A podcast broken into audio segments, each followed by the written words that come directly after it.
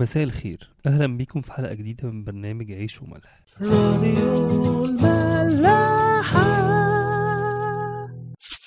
اديتور دعم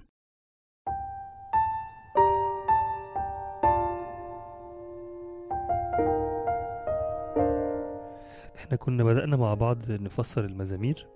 خلصنا المرة اللي فاتت المزمور التاني وهنبدأ النهاردة في تفسير المزمور التالت. هقرأ معاكم المزمور كده علشان نقدر بعد كده نتأمل فيه. بيقول يا رب ما أكثر مضايقية كثيرون قائمون علي. كثيرون يقولون لنفسي ليس له خلاص بإلهه سلاه. أما أنت يا رب فترس لي. مجدي ورافع رأسي. بصوتي إلى الرب أصرخ فيجيبني من جبل قدسه سلاه. أنا اضطجعت ونمت. استيقظت لأن الرب يعضدني. لا أخاف من ربوات الشعوب المصطفين علي من حولي. قم يا رب خلصني يا إلهي لأنك ضربت كل أعدائي على الفك. هشمت أسنان الأشرار. للرب الخلاص وعلى شعبك بركتك. هللويا. أول حاجة عايزين نقولها إنه قبل المزمور مكتوب مزمور لداود حينما هرب من وجه إبشالوم ابنه.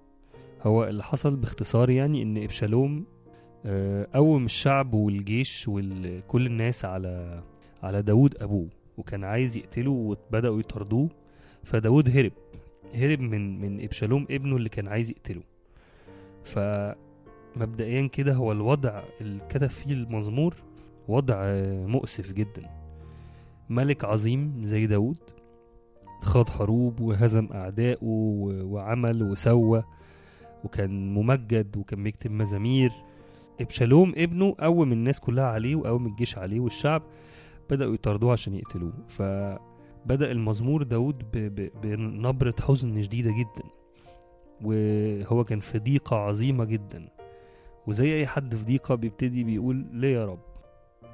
بيقول يا رب ما أكثر مضايقية يعني تعبت كتير قوي الناس اللي حواليا. كثيرون قائمون عليا. وبيقولوا لي ليس له خلاص بإلهي هنلاقي كتير في المزامير مكتوب كلمة سلاه.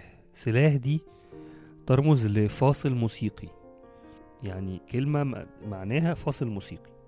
لو في موسيقى بتتلعب الموسيقى بتكمل والكلام بيقف. وهنا حتى يعني في التفسير بتاعها بي بي بيفسر أو واحد بيتأمل بيقول إنه هنا هو من كتر ما الكلمة اللي قبلها قوية جدا كان وقف الكلام عشان الناس تت- تتأمل في الكلمة اللي هي بتاعت ليس له خلاص بإلهه من كتر ما هي كلمة يعني قوية أوي. ليس له خلاص بإلهه ده يعني دايما في وقت الضيقة بي بي بي بيلعب معانا كده إبليس. لعبة مشهورة أوي. لعبة التشكيك. لعبة اليأس. بيأسنا. أنت خلاص كده. المشكلة دي مش هتتحل. أو الخطية دي مش هتتحل في حياتك.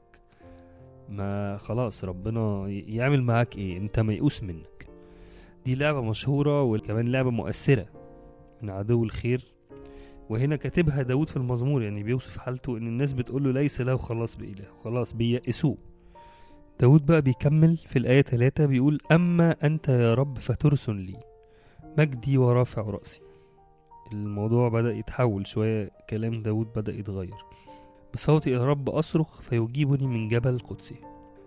أما أنت يا رب فترسن لي أنا واثق فيك يا رب. أنا أنا مصدق إن أنت هتقدر تخلصني. مصدق. مجدي ورافع رأسي.